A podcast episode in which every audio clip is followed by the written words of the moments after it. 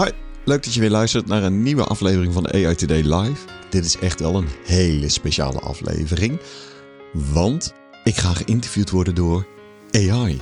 We zijn er inmiddels aan gewend om vragen te stellen aan ChatGPT en behoorlijk goede antwoorden terug te krijgen, maar zou ChatGPT zelf ook goede vragen kunnen stellen? Nou, dat hebben we getest. Ik ben de interviewkandidaat die een keer de antwoorden terug mocht geven. Uh, uh, want ik word namelijk aan de tand gevoeld door ChatGPT. We hebben een uh, AI-interviewer gemaakt die uh, nou ja, gebaseerd is hè, op generatieve AI. En die gaat mij ook bevragen over de toepassing van generatieve AI en de potentiële impact ervan op InfoSupport. En ik kan je sowieso alvast vertellen dat wat vooral verbaast is de potentie van de chatbot om echt inhoudelijke vervolgvragen te stellen. Laten we eens even luisteren hoe dat gaat. Here we go. Kun je een voorbeeld geven van een project of initiatief binnen InfoSupport waarbij generatieve AI momenteel wordt ingezet of waarbij er plannen zijn om deze te gaan gebruiken? Ja, ik heb daar uh, drie voorbeelden voor. Voor een uh, grote bierbrouwerij hebben wij een proof of concept gemaakt waarbij social media gegevens worden gebruikt om persona's te maken. Mensen met gelijke karakteristieken worden gegroepeerd en met generatieve AI wordt een persona ontwikkeld, zowel in tekst als de bijbehorende profielfoto. We gebruiken daar GPT en DALI 3 uh, voor als techniek. Nadat de persona is gemaakt, kunnen we met generatieve AI praten met de persona en uh, marketinggerelateerde vragen stellen. Je moet hierbij bijvoorbeeld denken aan uh, ja, wat zouden goede advertentieteksten kunnen zijn? Hoe wil iemand benaderd worden? Nou ja, ga zo maar door. Ook hebben we een eigen AI-assistent in productie. Die is gebaseerd op generatieve AI. Zo kunnen infosporters veilig, zonder risico op het delen van gevoelige informatie, de assistent gebruiken. Dus met generatieve AI worden ze dan geholpen om hun werk beter uit te voeren, omdat we InfoSupport specifieke kennis hebben toegevoegd. Onze best practices liggen vast in onze guidance framework. En deze kennis nemen we dan mee in de assistent. En die neemt dat dan mee in het beantwoorden van vragen die je dan stelt. Ten slotte, ja, samen met een klant zijn er plannen om generatieve AI in te zetten voor het extraheren van kennis uit ingescande documenten. De klant heeft ontzettend veel documenten, die ook nog eens uit meerdere versies aan en aanvullingen bestaat. En met generatieve AI lezen we de documenten en halen we bijna 100 vooraf gedefinieerde kenmerken uit die, document, uit die documenten. Tenminste, dat is het plan. Interessant. Je hebt duidelijk uiteengezet hoe generatieve AI een rol speelt binnen verschillende projecten bij InfoSupport. Laten we dieper ingaan op de toepassing in marketing. Het gebruik van persona's die gegenereerd zijn door AI biedt fascinerende mogelijkheden voor marketingdoeleinden. Hoe waarborg je echter dat de gegenereerde inhoud nauw aansluit bij de echte voorkeuren en behoeften van je doelgroep? En hoe ga je te werk om eventuele vooroordelen in de AI-modellen te identificeren en te mitigeren? Ja, of de gegenereerde inhoud helemaal aansluit bij de echte voorkeuren en behoeften van je doelgroep, dat weet je helaas niet van tevoren. Maar je kunt wel meten of je het beter doet dan de huidige manier. De klant meet de conversie van advertenties en met een betere aansluiting zou die conversie omhoog moeten gaan. Anderzijds is de huidige manier van persona's maken gebaseerd op internationale demografische data en ervaring van het marketingteam. Deze zit vol aanname en eventuele ja, bias vooroordelen. Uh, wij zijn uitgegaan van data van social media. En dankzij de grote hoeveelheden data hebben we zo een beter beeld kunnen vormen van een persona. Maar je hebt gelijk, dat sluit eventuele bias nog altijd niet uit. Echter, ja, de resultaten en teksten die uit het systeem komen, blijven beoordeeld worden door de marketeers van de organisatie. En hebben ook een verplichting, ze hebben ook een verplichting om naar die bias te kijken. Excuses. Hier is de volgende vraag voor jou.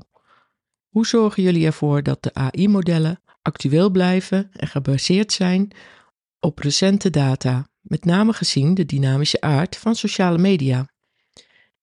Is er een proces of systeem bij InfoSupport dat zich specifiek bezighoudt met het up-to-date houden van deze modellen? Ah, in het geval van persona's wordt nieuwe data periodiek bijgeladen en kunnen de persona's eenvoudig opnieuw worden samengesteld. Termijn en proces worden van tevoren afgestemd en geautomatiseerd op basis van de doelstellingen van de organisatie. Automatisering van data-integratie lijkt een efficiënte manier om de AI-modellen relevant en actueel te houden. Nu vraag ik me af over de brede toepassing binnen de organisatie. Hoe borgen jullie de kennisoverdracht van deze generatieve AI-toepassingen naar andere afdelingen binnen InfoSupport, zodat het niet alleen bij gespecialiseerde teams blijft, maar ook door de rest van de organisatie effectief gebruikt kan worden? Wat een goede vraag. Ja, we hebben daar verschillende vormen voor. Zo is er een samenwerking tussen Infosport Nederland en Infosport België, waar deze systemen worden ontwikkeld. En de makers wisselen veel kennis onderling uit, omdat ze daar profijt van hebben bij de doorontwikkeling van hun eigen systemen. Daarnaast borgen we zo snel mogelijk nieuwe best practices in ons guidance framework en delen we kennis via verschillende events. Uh, we hebben een uh, kennisavond, we hebben een AI community en we delen dit ook binnen de area Data AI. Uitstekend. Het lijkt erop dat InfoSupport een sterke focus heeft op kennisdeling en samenwerking, zowel intern als internationaal. Als we ons nu richten op bijbehorende risico's, met de implementatie van AI in kritische bedrijfsprocessen komen ook risico's kijken, zoals veiligheidsproblemen en ethische vraagstukken. Kun je een situatie beschrijven waarbij jullie geconfronteerd werden met een dergelijk risico en hoe hebben jullie dit aangepakt? We hebben voor onszelf een helder ethisch kader. Zo is een van de uitgangspunten dat AI de mens moet versterken en niet vervangen. Daarnaast willen we verantwoordelijke systemen maken en als we de vraag krijgen om modellen te ontwikkelen die mensen oneigenlijk benadelen, zullen wij niet ingaan op die vraag. In het afgelopen jaar hebben we twee mogelijke projecten daarom niet uitgevoerd. Het eerste ging voornamelijk om veiligheid. Het systeem bevatte medisch zeer gevoelige gegevens van kwetsbare mensen. En nog voordat we de ethische beoordeling hadden gedaan, bleek dat de veiligheidsproblemen te ernstig waren en de potentiële klant niet bereid was deze op te lossen. Nou, we geven dan advies hoe deze veiligheidsrisico's te dichten, maar namen het project niet aan. Een ander project ging over het scoren van mensen voor vacatures. Nou, en dan voel je aan je water aan dat je gauw tegen ethische bezwaren, mogelijke discriminatie en misschien zelfs wetgeving gaat aanlopen. Ook hier hebben we in een vroeg stadium aangegeven dat wij een dergelijk model niet bouwen. De commitment aan ethische principes en veiligheid is duidelijk een prioriteit, wat vertrouwen wekt in de integriteit van InfoSupport. Dit brengt me bij de evaluatie van dergelijke projecten. Kun je het proces beschrijven dat InfoSupport hanteert voor ethische en veiligheidsbeoordelingen voorafgaand aan AI-projecten? Hoe wordt bepaald of een project voldoet aan jullie uitgangspunten? Nou, ten eerste bespreken we heel goed met onze klanten wat het doel is van het AI-project. Wat wil je veranderen? Wat wil je bereiken? Hiermee filter je de eerste ethische bezwaren er eigenlijk al uit. Daarna definiëren we het AI-project met de hulp van ons AI-experiment Canvas. Daarin word je gedwongen om je project nog concreter te maken. Wat is je hypothese? Hoe ga je die meten? Welke ethische principes moeten worden afgewogen en welke wettelijke bepalingen moeten worden gecontroleerd? We leggen duidelijk vast op basis van welke criteria een project wordt stopgezet, mochten we tegen deze principes aanlopen. We stimuleren onze medewerkers om goed na te denken over ethische principes en moedigen ze aan om deze ook te uiten. Zo hebben we in onze AI-community een hele sessie gewijd aan ethische grenzen. Uh, we delen ook voorbeelden van projecten van derden waar wij van vinden dat dit ethisch niet verantwoord was. Hierdoor wordt steeds meer duidelijk waar onze grens ligt en wat we niet willen. En bij twijfel wordt in overleg besloten of het AI-project kan doorgaan en wordt dit aan een groep met verschillende disciplines voorgelegd. Een grondige en gestructureerde aanpak om te zorgen dat de AI-projecten ethisch verantwoord en wettelijk toelaatbaar zijn. Wat betreft de organisatiestructuur rond dit onderwerp, hoe ervaren medewerkers de ruimte om ethische kwesties aan de kaak te stellen binnen InfoSupport? Heb je voorbeelden waarbij de feedback van medewerkers heeft geleid tot significante veranderingen in een AI-project of het afwijzen ervan? Ja, omdat we hier open over zijn, hoop ik dat iedereen de ruimte voelt om ethische kwesties aan de kaak te stellen. Ik weet dat een medewerker het persoonlijk als vegetariër niet prettig vond om mee te werken aan een AI-project in een slachthuis. Hier is uiteraard direct naar geluisterd en gehandeld.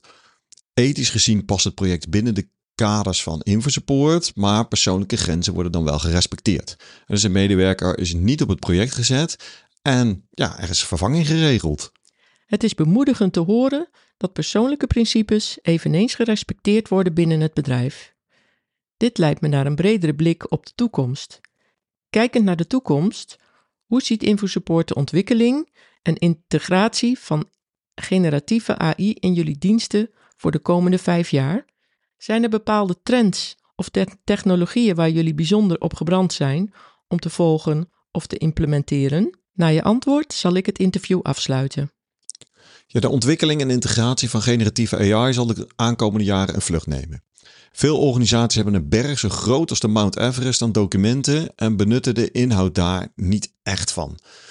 Met de komst van generatieve AI ontstaat de mogelijkheid om de inhoud toegankelijk te maken voor een brede doelgroep. De trend zal zijn dat veel van deze systemen gebouwd gaan worden, maar wij zijn erop gebrand om die systemen juist robuust en betrouwbaar te maken.